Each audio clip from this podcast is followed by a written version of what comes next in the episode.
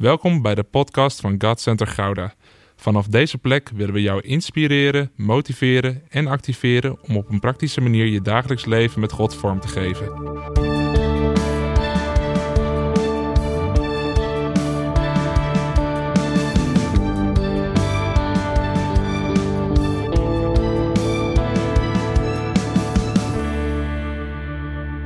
Hey, wat leuk dat je ook deze keer weer luistert.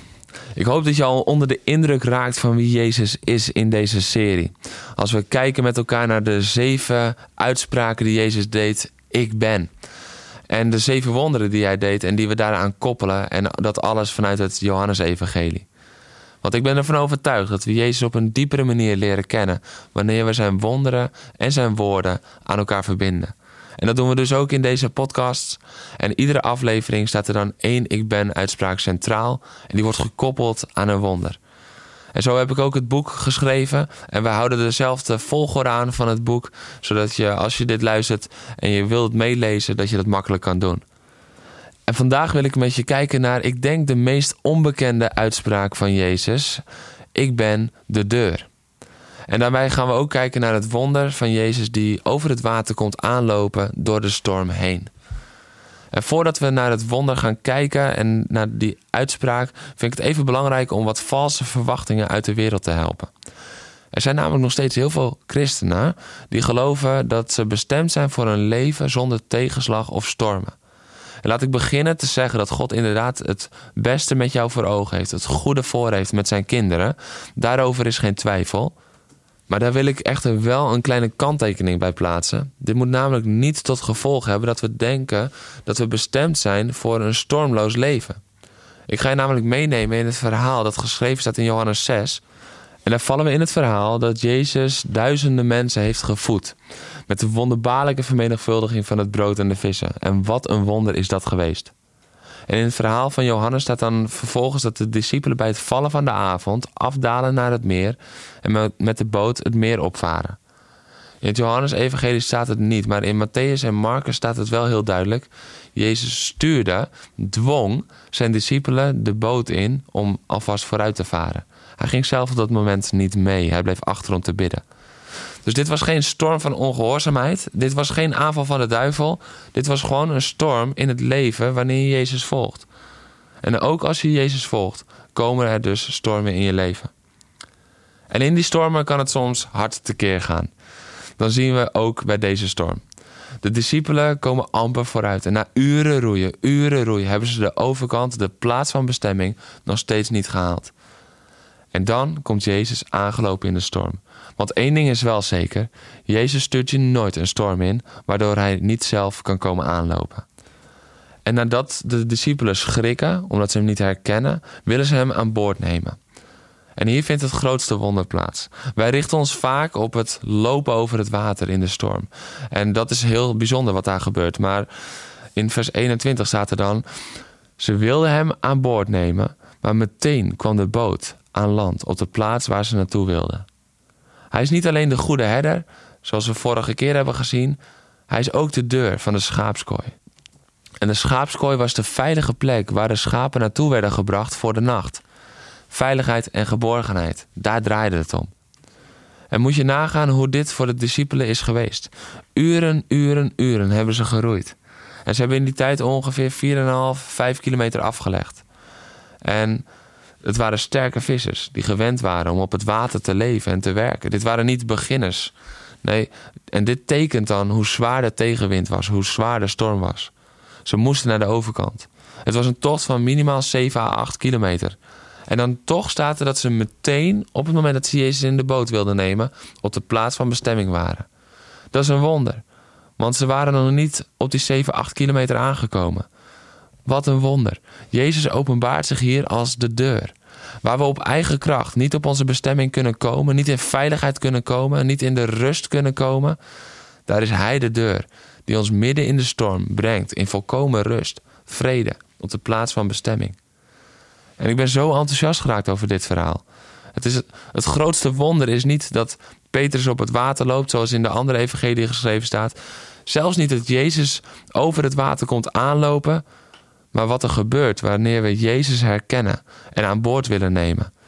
Meteen gaat de storm liggen. Meteen komen ze aan op de plaats van bestemming. Meteen is daar rust. Rust in de storm. Jezus is de deur die ons van onrust brengt naar rust. Van onveiligheid naar veiligheid. Zoals Jezus ook in Johannes 10 vertelt over de deur, die de scheiding brengt tussen de onveilige buitenwereld en de veilige schaapskooi. Zo is Jezus ook de deur in jou en in mijn leven. En ik weet natuurlijk niet in welk seizoen jouw leven zich bevindt. Misschien gaat alles goed, misschien is het windstil, maar het kan ook zomaar zijn dat je aan het roeien bent en niet verder lijkt te komen door de tegenwind die zo sterk is. En uit eigen kracht lukt het je niet. Hij is de deur. En ik wil het persoonlijk maken met je. Want ik weet nog goed dat Peter en ik in onze verkeringstijd een keertje een behoorlijk meningsverschil hadden. En dat mondde uit in ruzie. We stonden lijnrecht tegenover elkaar. En we konden elkaars hart daarin op dat moment even niet vinden. En op een gegeven moment zei ze iets tegen mij dat mij sterk deed terugdenken aan een eerdere relatie die ik had gehad, waar ik veel pijn in had opgelopen. En we waren op dat moment niet goed in staat om met elkaar te praten. Ik zat gebroken in een andere ruimte te huilen en we zagen even op dat moment de uitkomst niet. De ruzie duurde al een behoorlijke tijd en toen we op een gegeven moment de keuze maakten om samen te bidden. We waren ten einde raad en het stormde in onze relatie. En we beseften dat we God harder nodig hadden dan ooit. En natuurlijk zou ik op dit moment graag zeggen tegen je dat ik als hoofd van het gezin in opleiding, want we hadden nog verkering, Petra bij me riep om samen te bidden. Maar eerlijk is eerlijk, uh, zij kwam naar mij toe. Maar samen knielden we uiteindelijk voor God en we begonnen te bidden. En daar openbaarde Jezus zich als de deur aan ons. We baden met elkaar en we baden voor elkaar. En op het moment dat we amen zeiden, was er rust in de storm gekomen. Bovennatuurlijke rust. Want tot op de dag van vandaag weten we geen van beiden meer waar die ruzie over ging. Vanaf het moment dat we amen zeiden, waren we het kwijt. We hadden geroeid, we hadden gestreden tegen de storm, we hadden gevochten tegen de golven, maar we kwamen er niet doorheen. Totdat we Jezus erkenden in de storm en herkenden in de storm. We gaven hem toestemming om in onze boot te komen. Zoals hij de wind liet liggen bij de discipelen en ze gelijk op de plaats van bestemming bracht, kwam er rust, vrede en liefde ook weer bij ons terug. We werden door de deur binnengeleid naar zijn veilige schaapskooi. En nooit meer hebben we geweten waar die ruzie over ging. We gingen die avond door de deur, van ruzie naar rust. En laat me dan afsluiten met dit mooie inzicht. Jezus komt niet te laat. Hij kwam al aanlopen, ook al was het tegen het einde van de nacht. Maar al die tijd had hij de discipelen wel in het oog. Want hij keek al vanaf de berg waar hij aan het bidden was. En hij kwam op het juiste moment. Het was pas aan het einde van de nacht. En misschien voelt jouw situatie of jouw storm ook wel als het einde van de nacht. Maar ik zeg je, houd vol, want Jezus loopt al.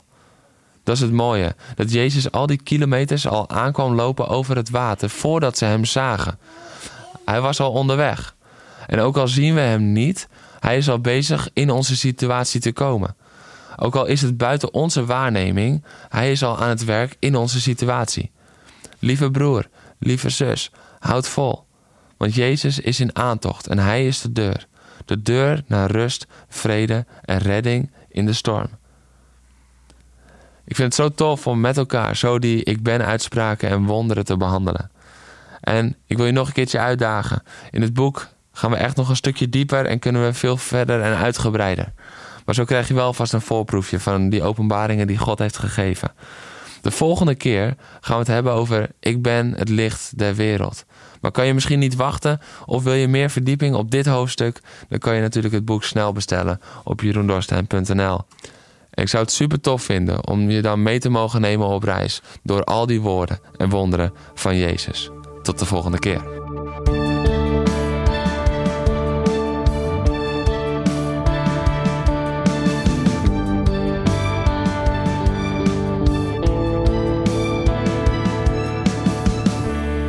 Bedankt voor het luisteren naar deze podcast. Volg ons op onze kanalen om verbonden te blijven. Heeft deze aflevering jou geraakt? Deel dan op je socials en tag ons, zodat we samen meer mensen kunnen bereiken.